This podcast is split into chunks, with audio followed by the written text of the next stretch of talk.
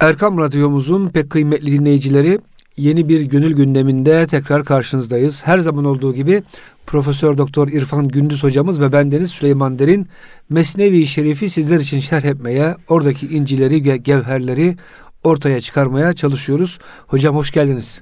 Allah razı olsun. Teşekkür ederiz. Değerli Hocam, dinleyicilerimize e, kulaklarını bize vermelerini, gönüllerinde bize yer vermelerini ve direksiyon başında olanlara da Rabbim yol açıklığı vermesini dileyerek sözlerimize başlayalım. Süleymancığım güzel Hocam, bir evet gündemde var. Güzel bir bölüm. Esasında gerçekten herkesin bilmesi gereken bir noktaya Hazreti Pir şöyle işaret ediyor. Evet hocam. Adem-i hakizi hak amuht ilm. Ta beheftüm asuman efruht ilm. Adem-i haki topraktan yaratılan Adem zihak amuht ilm. Hak'tan ilim öğrendi. Ve alleme Adem'el esma'e külleha. Bütün isimleri Adem'e öğreten Cenab-ı Hak. Cenab-ı Hak ona bütün isimleri öğretti buyuruyor. Hatta tabi bu Cenab-ı Hak meleklere diyor ki inni cailun fil ardı halife. Ben e, kendime yeryüzünde bir halife yaratacağım. Ne demek bu halife? Benim gören gözüm olacak, tutan elim olacak, yürüyen ayağım olacak. Benim adıma tasarruf edecek. Benim adıma tasarruf edecek, benim emir ve yasaklarımı hayata hakim kılacak bir halife yaratacağım. Hilafet buradan geliyor zaten. Ama bu hilafet, halife evet bir otorite ama bu otorite öyle keyfe ma yaşa dilediğini yapan la al amma yef'al bir yapıda değil. Onun şartları var. Şartları ne? Allah'ın emir ve yasaklarını hayata geçirecek. Önce kendisi buna uyacak, sonra da bütün toplum hayatını buna uyduracak bir otorite. Hocam şöyle bir şey sorabilir miyim? Bizim Osmanlı'da halifeler, padişahlarımız onlar da fetvalı iş yapıyor değil mi? Yani kendi kafalarınca. Zannediyor ki bazı insanlar padişahlar her dilediğini yapar. Ha. Tamam yani biraz bir serbestlik var ama onlar da halife ve Hayır. E, fetva ile iş yapıyorlar. Asla serbestlik yok. Asla serbestlik yok. Bunların şeysinde en diyelim ki acımasızı diye söylenir tarihte. Yavuz Sultan Selim Han. Yavuz Sultan Selim Han'ın Şeyhülislam'ı kim? Zembilli Alefendi. Zembilli Alefendi kim? Şeyhülislam geciken adalet adalet değildir diyerek evinin penceresinden aşağıya bir sepet uzatıyor. Orada asılı duruyor. Vatandaş gelir de bir derdi varsa oraya kağıda yazıyor. O çemen çekiyor. Okuyor ve veriyor. Ve Yavuz Sultan Selim tabi diyorlar ki bu kadar e, insanın katline ferman veriyorsunuz. Bunun hesabını nasıl vereceksiniz deyince ben diyor bunun e, Zembilli'den aldığım fetvayı da diyor ben amel ediyorum. Zembilli Alefendi'ye gidiyorlar. Zembilli Alefendi de bütün fetvaları biriktirmiş. Bir sandıkta. Demiş ki siz bana atacaksınız vebal ama ben de bütün verdiğim fetvaları sandıkta muhafaza ediyorum. Yarın Cenab-ı Hak sorarsa fetvalarımın niçinleri, nedenleri, gerekçeleriyle beraber hepsi orada hadır ve nazır. O yüzden e, Şeyhülislamlar Osmanlı'da kaydı hayat şartıyla gelirler. Asla efendim canının istediği fetvayı alamayan padişah halifeyi azledemez. Bunun bir tek istisnası var. Zaten ondan sonra düzen bozulmuş. O da tasavvuf aleyhine verdiği fetvalarla e, şey yapan Muhyiddin Mustafa Efendi'yi Kanuni Sultan Süleyman Şeyhülislam'dan, Şeyhülislamlıktan azletmiş. Yani Muhyiddin Arabi aleyhine konuştuğu için. Konuş Hallacı Mansur aleyhine konuştuğu için. Ama bu bu geleneği bozmuş yalnız. İyi de olmamış belki hocam. İyi de olmamış. Hmm. Evet yani kötü bir adet başlamış. Ama bu Osmanlı'da çok önemli bir iş. Tabi bu melekler o zaman bu hilafete karşı çıkıyorlar. Yeryüzünde kan dökecek, yeryüzünde bozgunculuk çıkaracak bir nesil mi yaratmak istiyorsun diye. Bunun üzerine hani melekleri imtihan ediyorlar. Melekler bilmiyorlar. Ama Hazreti Adem'e soruyorlar. Hazreti Adem cevap veriyor. İşte bakın diyor. Ama Hazreti Adem nereden öğrenmiş o ilmi? Meleklerin bilmediği bir hakikati ilmiyle dünden almış. Cenab-ı Hak tarafından kendisine öğretilmiş bir ilim. Sonra meleklere Hazreti Adem'e secde etmesi emrediliyor. Saygı secdesi diyelim. Bu secdesi tabi namaz secdesi değil. Kulluk edin manasında değil. Saygı. Ondaki hilafete biat edin anlamındadır. Belki de biatın kaynağı buradan geliyor belki de. Yani hani Peygamber Efendimiz'e ashabın biatı var. İşte e, müridanın e, şeyhlerine bir atı var. Öbür taraftan padişahlara bir at var, halifelere bir at var. Belki de buradan geliyor. Hocam ilim ve irfan sahibine saygı göstermek, boyun Say- eğmek yani. Amenna. Evet zaten bu. Ama bir tek burada bunun istisnası var. Şeytan. Şeytan ne yapıyor? Hocam buraya Yok. geçmeden şu ilim şeyini biraz şey yapalım. Evet. Demek ki hocam hilafetin sırrı ilimde yatıyor. Amenna. Veyahut da üstünlüğün sırrı hocam ilimde, öğrenmede yatıyor ve Kur'an-ı Kerim'in ilk emri de hocam çok ilginçtir. Hiçbir kitabın olmadığı bir zamanda, kütüphanenin olmadığı bir zamanda Roma'ya inse Kur'an-ı Kerim anlarım da Mekke'ye inmiş. İkra diyor Rabbimiz. Oku. Tabi Cenab-ı Hak ikra diyor. Tabi ne, ne okuyacaksınız orada? İkra. Bismi rabbikellezi halak. Yaratılış okuyacaksınız. Ama hocam 50 sene geçmeden e, kitaplar da okunmaya başlıyor. Bütün Amenna, İslam alemi amenna. kütüphane doluyor yani. O da ayrı bir Amenna tabi. Rabbimizin mucizesi. Halakal insane min alak. Ya. İkra ve rabbukel ekremüllezî alleme bil kalem. Kalem geliyor işte hocam bak Amenna. Yani burada ama Hazreti Pir'de ne, ne, neyle başlıyor? O da Bişinev'le başlıyor Mevlana Mesnevi'ye. Oku sen de dinle. Sen de okunanı dinle diyor bak. iyi dinle diyor. Ve izâ kure'el Kur'anu festemi'û leh. Kur'an-ı Kerim'i okunduğunu duyduğunuzda dinleyin, iyi kulak verin. Anlamaya çalışın. Kur'an-ı Kerim'de Cenab-ı Hakk'ın vermek istediği mesajları iliklerinize kadar sindirmeye çalışın. Gönüllerinize yerleşsin o.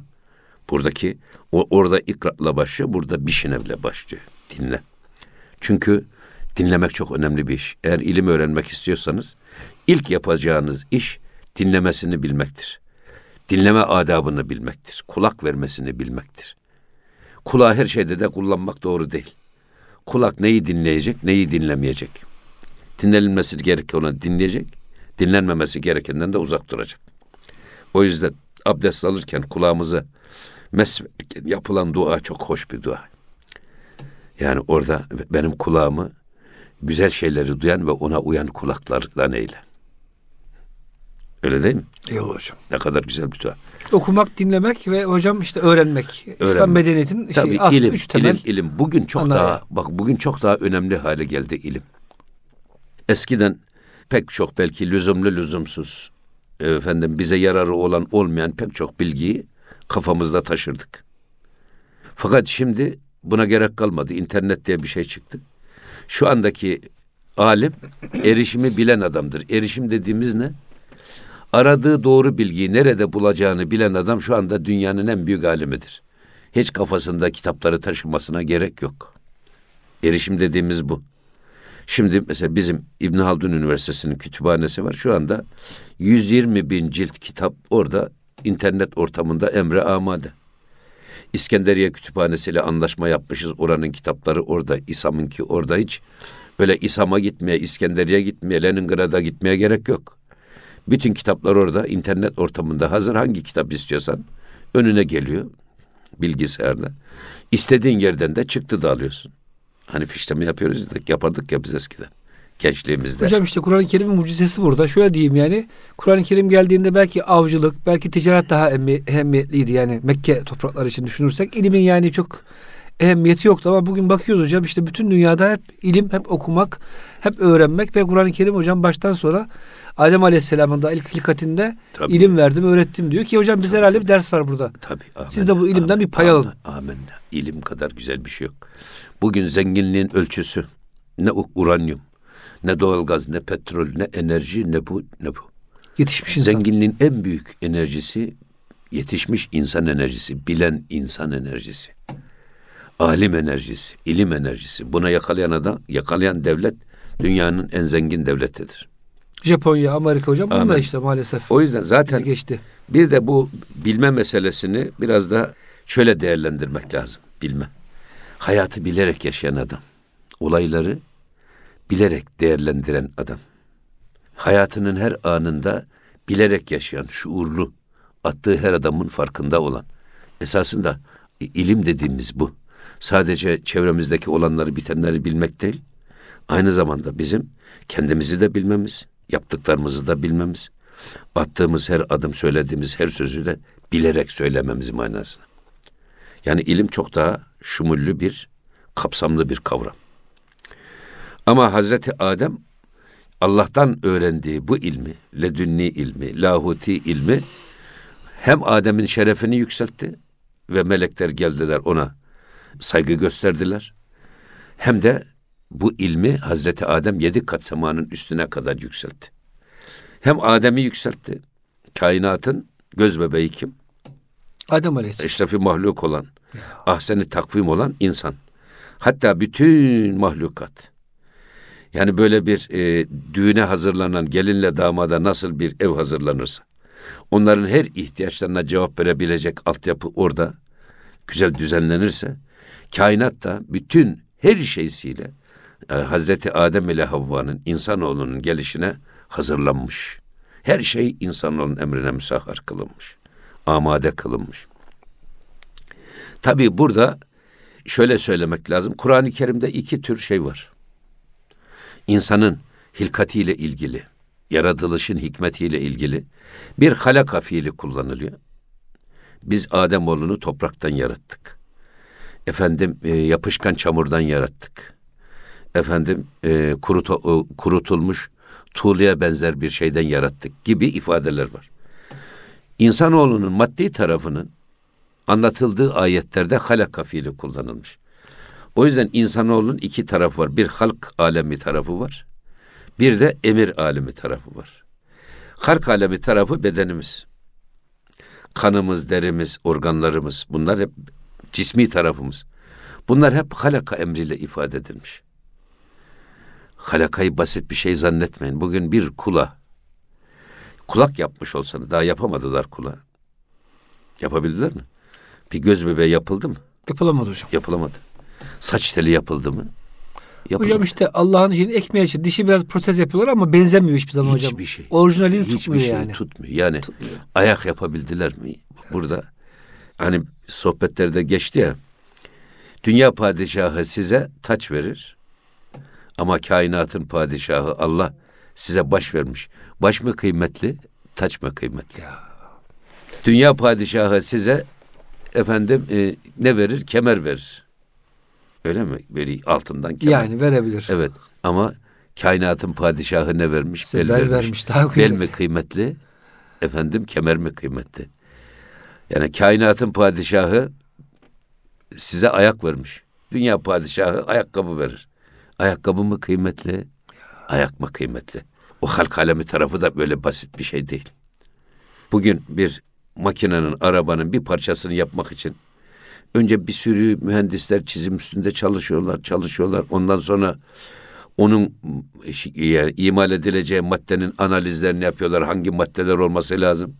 Dayanıklılık testine tabi tutuyorlar. Ondan sonra getiriyorlar onu efendim tornada çıkarıyorlar. Sonra bunu bir deneme şeysine tabi tutuyorlar. Yüzlerce mühendisin gayretinin neticesi ortaya bir parça çıkıyor. İnsanın halk aleminin tarafı da öyle. Bizim İmam Hatip 4. sınıfta bize bir hoca geldi köy enstitülerinden.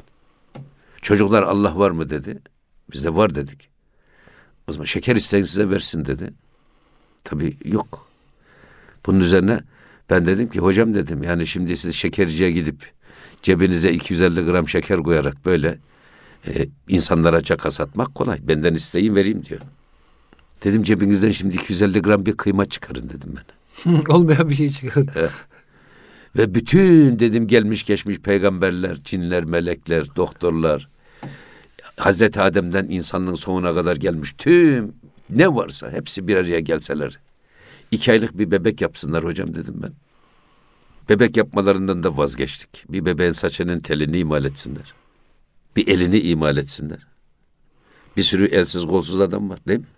Ve hocam bugün yani biraz nakil yapıyorlar sadece milyarlarla He, ondan sonra Masraf ediyorlar. dedim o, o zaman dedim biz bütün bunları yaratan bir yüce kudrete inanıyoruz. Hocam dedim bak. Öyle dedim cebinizden şekerciden aldığınız şekeri doldurarak böyle laflarla bizi aldatmaya hakkınız yok. Bir daha git bir daha gelmedi o hoca. cahilmiş hocam. Gerçekten cahil bir adammış çünkü. Ama böyle öğretiyorlardı. İşte hocam ilimle yine cevap verdiniz değil Böyle mi? böyle öğretiyorlardı. Şimdi buradan bu halk alemi tarafımızda ama bir de emir alemi tarafımız var. Emir alemi tarafımız nedir? Ve nefaktu fihi min ruhi. Onlar da e, emir alemine olan tarafı. Ruh tarafımız. Alemi emirden Gelen. gelen Allah'tan gelen bir nefes taşıyoruz biz. Maddi olmayan. Hatta şey diyorlar ya yani insanoğlu e, rahimde dört ay işte on gün kalıncaya kadar orada maddi canlılığını devam ettiriyor. Ona hayvani ruh diyoruz biz. Hayvanda da var o can. Bütün canlılarda var ama esas insanı bu hayvanlardan ayıran farklı bir can var. O canda Allah'tan gelen o kutsal nefes. Nefa ilahiye. Evet. Bu ruhu Min emri Rabbi. min emri Rabbi. İşte ismini de buradan alıyor. Ve nefaktu fihi min ruhi. Ben azimüşşan kendi ruhumdan nefkettim bak. Her birimiz içimizde Allah'tan bir nefes taşıyoruz. Ve insana ahseni takvim yapan, eşrefi mahluk yapan sır bu sır. Ve Allah'tan içimizde atılmış bir şey var. Mikrofon var. Her dediğimizi duyuyor. Bir kamera var. Her dediğimizi çekiyor. Var mı? Başka bir şey yapabilir miyiz biz bu ruhsuz? Yapamayız. Yes'elûneke anir ruh. Kulir ruhu min emri Rabbi ve ma utitum minel ilmi illa kalila. İşte buradaki emir alemi tarafımız da bizim Allah'tan gelen taşıdığımız kutsal nefesimiz. O gitti mi hayatımızda son buluyor zaten.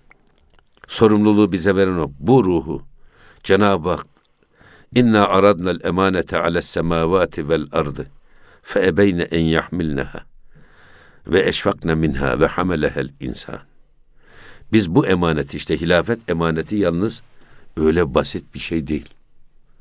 Ağır bir sorumluluğu var. Biz bu ağır sorumluluğu yeryüzüne, dağlara, taşlara emanet etmek istedik. Onlar çekindiler, ürktüler ve bunu almaktan kaçındılar. Ama insanoğlu bu hilafet yükünü üstlendi. Ama öbür taraftan geliyorsunuz.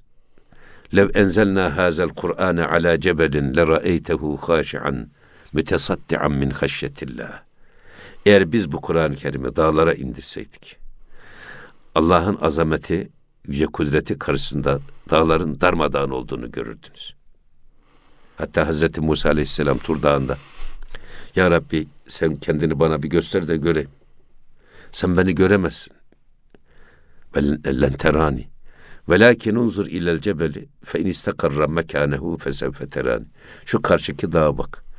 Eğer o dağ, o dağ yerinde sabit kadem durursa o zaman beni görebilirsin. Felemma tecella rabbuhu lil cebeli cealehu dekken ve harra Musa sayka. Musa'nın Rabbi dağa tecelli ettiğinde dağ darmadağın oluverdi.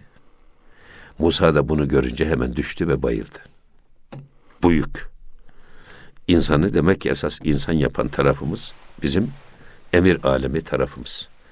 Şimdi biz halk alemi tarafımızı ki bunu bütün felsefecilerin birleştiği bir şey var. Kainat dört temel üzerine bina edilmiş. Hava, su, ateş, toprak. Su ile toprak halk alemi tarafımızı besler. Yani bizim vücudumuzdaki en, enerji ihtiyacımız nereden geliyor? Topraktan. Ya sudan, ya topraktan, ya bunların ikisinin birleşiminden oluşan bitkilerden ve etten geliyor. Bunlar bizim maddi hayatımızı idame ettirmemizi sağlıyor. Peki hava ile ateş nedir? Aldığımız havadaki oksijen o vücudumuza girdi mi vücudumuz ısısını 30, 37 derecede muhafaza ediyor. Bunu, bunu sağlayan kim? Nefesimiz. O nefesimiz oksijen yanıp ateşe dönüşüyor. Ve böylece ruh damarımız, damarlarımızın her zerresinde dolaşma imkanına kavuşuyor. Onlar da ruhu besleyen gıdalar. O yüzden burada zülcenahayn olmak yani hiçbir zaman kuş tek kanatla uçmaz. Yani biz halk alemi tarafımızı da emir alemi tarafımızı da dengeli bir şekilde iki kanatlı kuş gibi uçabilecek şekilde beslememiz lazım, büyütmemiz lazım, bakmamız lazım. Ama şimdi insanlar bakıyorsunuz yani bedenine hatta bırak bedenini bedeninin kapatan kıyafetlere gösterdiği titizliği Yüzde birini. binde birini gönül dünyasını ruhunun ihtiyaçlarına da yönelse insan belki kurtulur. Yani bu kadar dünyadaki gelgitler arasında maalesef ruh unutuluyor. Yani hocam giydiği ceketin rengine, ayakkabısının, Ya çantasının rengine verdiğimiz ehemmiyetin binde birini evet. ruhumuzun rengine vermiyoruz. Evet. Hocam e, ruh alemi dedik, emir e, aleminden ve halk alemi ikisini dengeli götürmek. Dengesizlik olduğu zaman bugün işte daha çok emir alemine, şey özür dilerim halk alemine yöneldik. Hep giyeceğimiz, içeceğimiz, giyeceğimiz bunun derdindeyiz. Halbuki ruhumuzun tedavisini ihmal ettik sanki. Evet. Şeytan da hocam belki devam ediyor şimdi yavaş yavaş. Şimdi burada, Oradan kaybediyor herhalde. Burada zaten Buyurun. şeye geliyor. Hazreti Adem'in cennetten dünyaya hubutu meselesine temas ediyor. Burada diyor ki namu namusu melek ra der şikest. Kuri an keski der hak der şikest. Şimdi şeytanın cennetten kovulması. Niye şeytan kovuldu? Namu namusu melek ra der şikest. Bu şeytan ismi Azazil idi. Cebrail, İsrail, İsrafil var ya bir de Azazil vardı. bir de Azazil vardı ve Azazil meleklerin en alemi, en şanlısı, en şöhretlisiydi. Peki bunu e, iblis haline getiren nedir? Ya İblis adını aldıktan sonra cennetten dünyaya kovalandı. İşte bir anlık gurur ve kibiri. Hazreti Adem'in hilafetini göremeyen, onun arkasındaki esas emir alemi tarafını görmeyen ve sadece halk alemiyle değerlendiren şeytan, Adem'in yüklendiği misyonun farkına varamadığı için reddetti. Onu topraktan yarattın, beni ateşten yarattın. Halbuki ben ondan üstünüm, niye ona ben biat edeceğim, o bana biat etsin der gibi bir kibire kapıldı. Ve bu yüzden de hem meleklerin de namusunu lekeledi diyor şey. kirletti. Maalesef Kirletti. ismini kirletti. Evet bir tane ama. Yani melekler içerisinde bir tane bu. Ama o da bütün meleklerin namusunu da bu kibri yüzünden kirletti. Körlüğü yüzünden kirletti diyor. Meleklerin şanını kırdı. İsmini lekeledi. Buradan da tabii şuna bakmak lazım. En kötü şey gurur ve kibir. Ahlakı fasidenin, kötü ahlakın en tehlikelilerinden bir tanesi gurur ve kibir. Gurur esasında aldatmak demek. Gurur, garra, yegur. Hani kafirlerin teptebeli dünya hayatları Sizi aldatmasın sizi aldatmasın. Aldanmak Ve la yevurrannekum billahil garur. Bak Allah'la sizi aldatmasınlar. Çok aldatan şeytan. Allah adını kullanarak da sizi aldatmasınlar. Evet çok güzel hocam. Ya ağzı sallalı, burnu sümüklü, gözü yaşlı zibidiler çıkmadı mı? Hala da yeni örnekleri de çıkıyor böyle. Maalesef hocam. Ama bunlara kapılmamak lazım. Bizim burada bir ölçümüz var. Ölçümüz nedir? Aslında bizim alimlerimiz koymuş bir ölçü. Kimin dediğine bakmayın. Ne dediğine bakın. Dedi Allah'ın kitabı, peygamberin sünnetine uyuyorsa alın tepenize koyun. Uymuyorsa vurun tekmeyi yıkın. Hocam şeytan bile kaç bin yıllık ibadetten sonra bak sapıtmış. Tabii, ya melekler, bir insan hocam- meleklerin başı iken, Evet. meleklerin en şereflisi iken bir anlık kibiri, onu bir anlık gururu, onu cennetten hubutuna, kovulmasına sebep olmuş. Şimdi bu gurur ve kibiri iyi anlamak lazım diye esas dinleyicilerimize onu arz etmek istiyorum. Gurur adamın mesela cebinde meteli yok. Giyimine, kuşamına, havasına bakarsın konuşmalarına. Sanki multimilyarder gibi konuşur. Burada adam bir önce kendisini aldatıyor. Biliyor ki Sonra cebinde, sizi aldatıyor. biliyor ki cebinde meteli yok. Bak bir, önce kendisini aldatıyor. İki, çevresindekileri aldatıyor. Adam kendisini bir eğitimde doktora yapmış. Dünyanın en büyük müfessiri zanneder. Böyle var ya. Var hocam. Kimsenin kimse yanına yaklaştırmaz. Kimse kendisine soru soramaz. Sordurtmaz. Soru sordursa cehalet ortaya çıkacak. Bak. Şimdi bu adam önce kendini anlatıyor, aldatıyor. Biliyor esasında. Kendisinin bildiğinin bir şey ifade etmediğini. Ama bunu bilmezlikten gelerek burnu buluttan su uçar gibi tepede dolaşıyor. Bir de başkalarına da ordinaris profesör havası taslayarak başkalarını da aldatıyor. İşte bu yüzden bu gurur çok tehlikeli bir şey. Allah nefsimizi böyle gurura kaptırmasın. Gurura düşmeyelim. Bu çok kötü bir şey. Kibir, kibir de büyüklük taslamak. Kibirden geliyor. Aslında e, kibirle kibirle gurur birbirine bağlantılı da kibiri anlatan en güzel şey yine Mesnevi'de. Mesnevi'de Mevlana diyor ki gökyüzünden rahmet yağar. Her metrekare eşit düşer diyor bu. 100 kilo ya da 80 kilo yağmur yağıyor her metrekare. Fakat diyor dağların diyor gururlu tepeleri ve kayaların kibirli zirveleri kendi hisselerine düşen bu rahmetten nasip alamaz. Onların üstüne düşen yağmurda süzülür, süzülür. De nerede birikir? O mütevazi çukurda birikir. Ovada birikir. Ova orada olur. Vaha orada olur. Orman orada olur. Bağ bahçe orada olur. Siz gördünüz mü dağların gururlu tepeleriyle kayaların kibirli zirveleri bir şey bitirmiş de insanlığa fayda vermiş.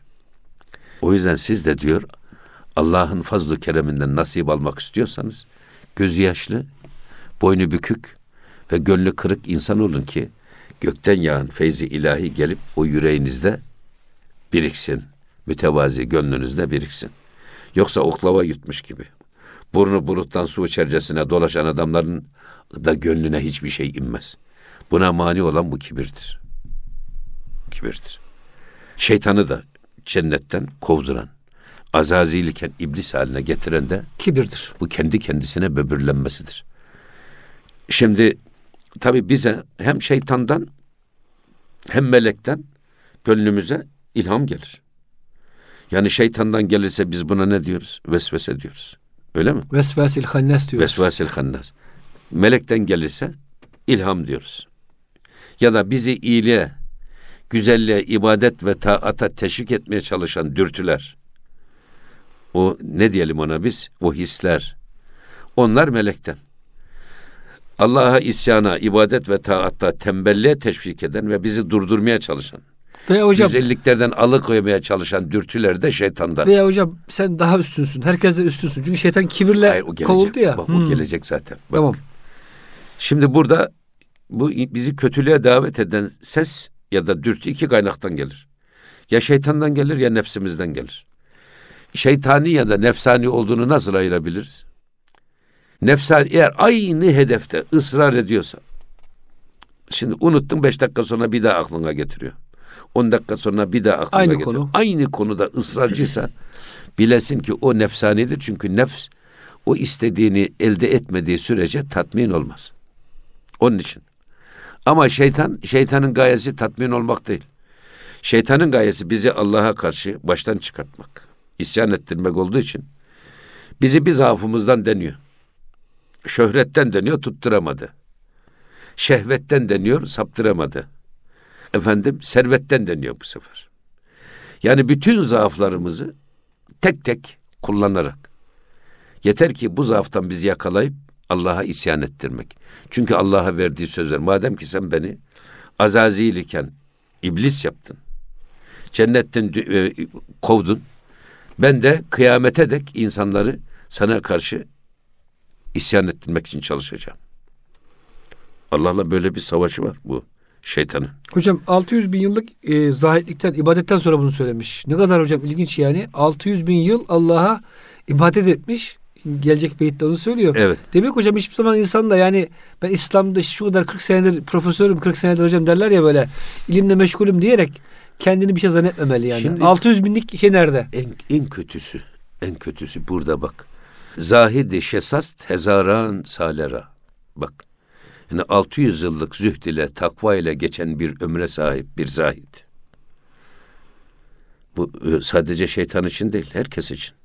Yani bu 600 yıl Olmaz Kim da kimi 60 yıl olur. 60 yıl olur ama bir ömür zühdü takva ile meşgul olan bir adama puz bendi bak puz bendi sakt an kusalera şimdi buzağların şeysine bir şey takarlarmış.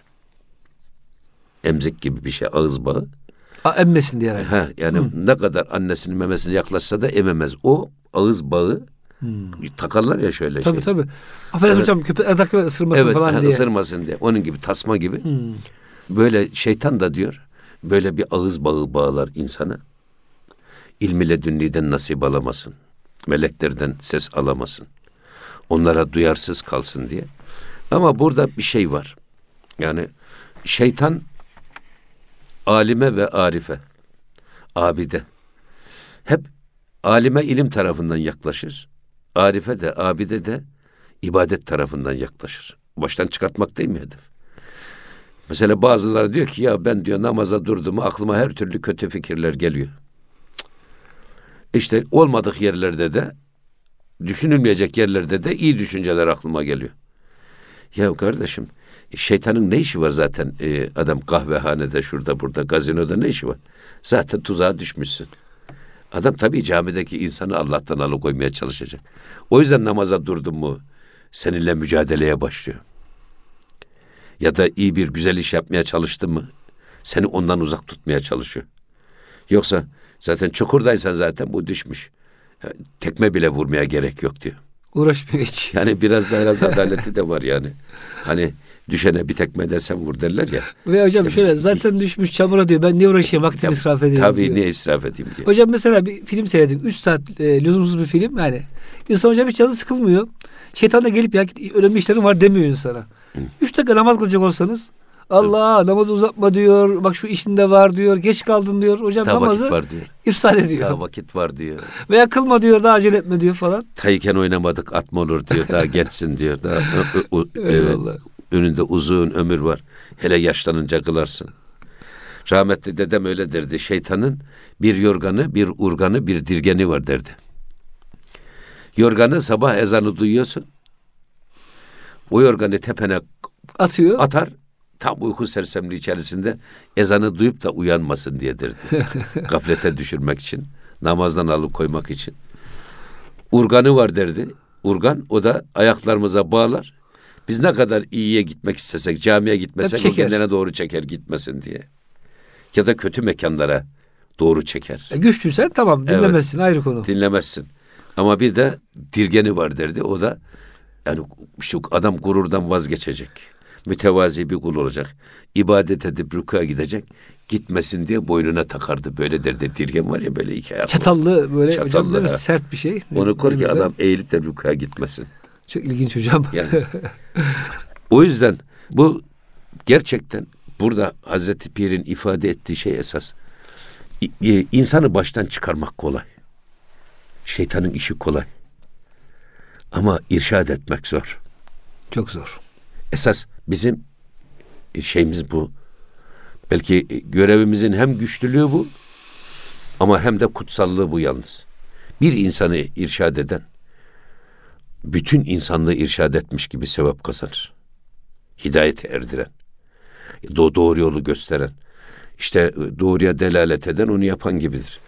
Kötülüğe delalet, delalet eden de onu yapan gibidir. Öyle mi? Öyle. Herkes nasibini alır. Ama gerçekten bir adam bakıyorsunuz bir ömür boyu istikametini devam ettiriyor. Fakat sonra önüne bir şey çıkıyor. Şehvetine yenilip adam yoldan çıkıveriyor. Şöhrete mağlup oluveriyor. Efendim paraya pula satılı veriyor adam. Yani o yüzden e, şeytan zaten bu zaaflarımızdan bizi yakalayarak Allah'a bizi isyana sürüklemeye çalışıyor.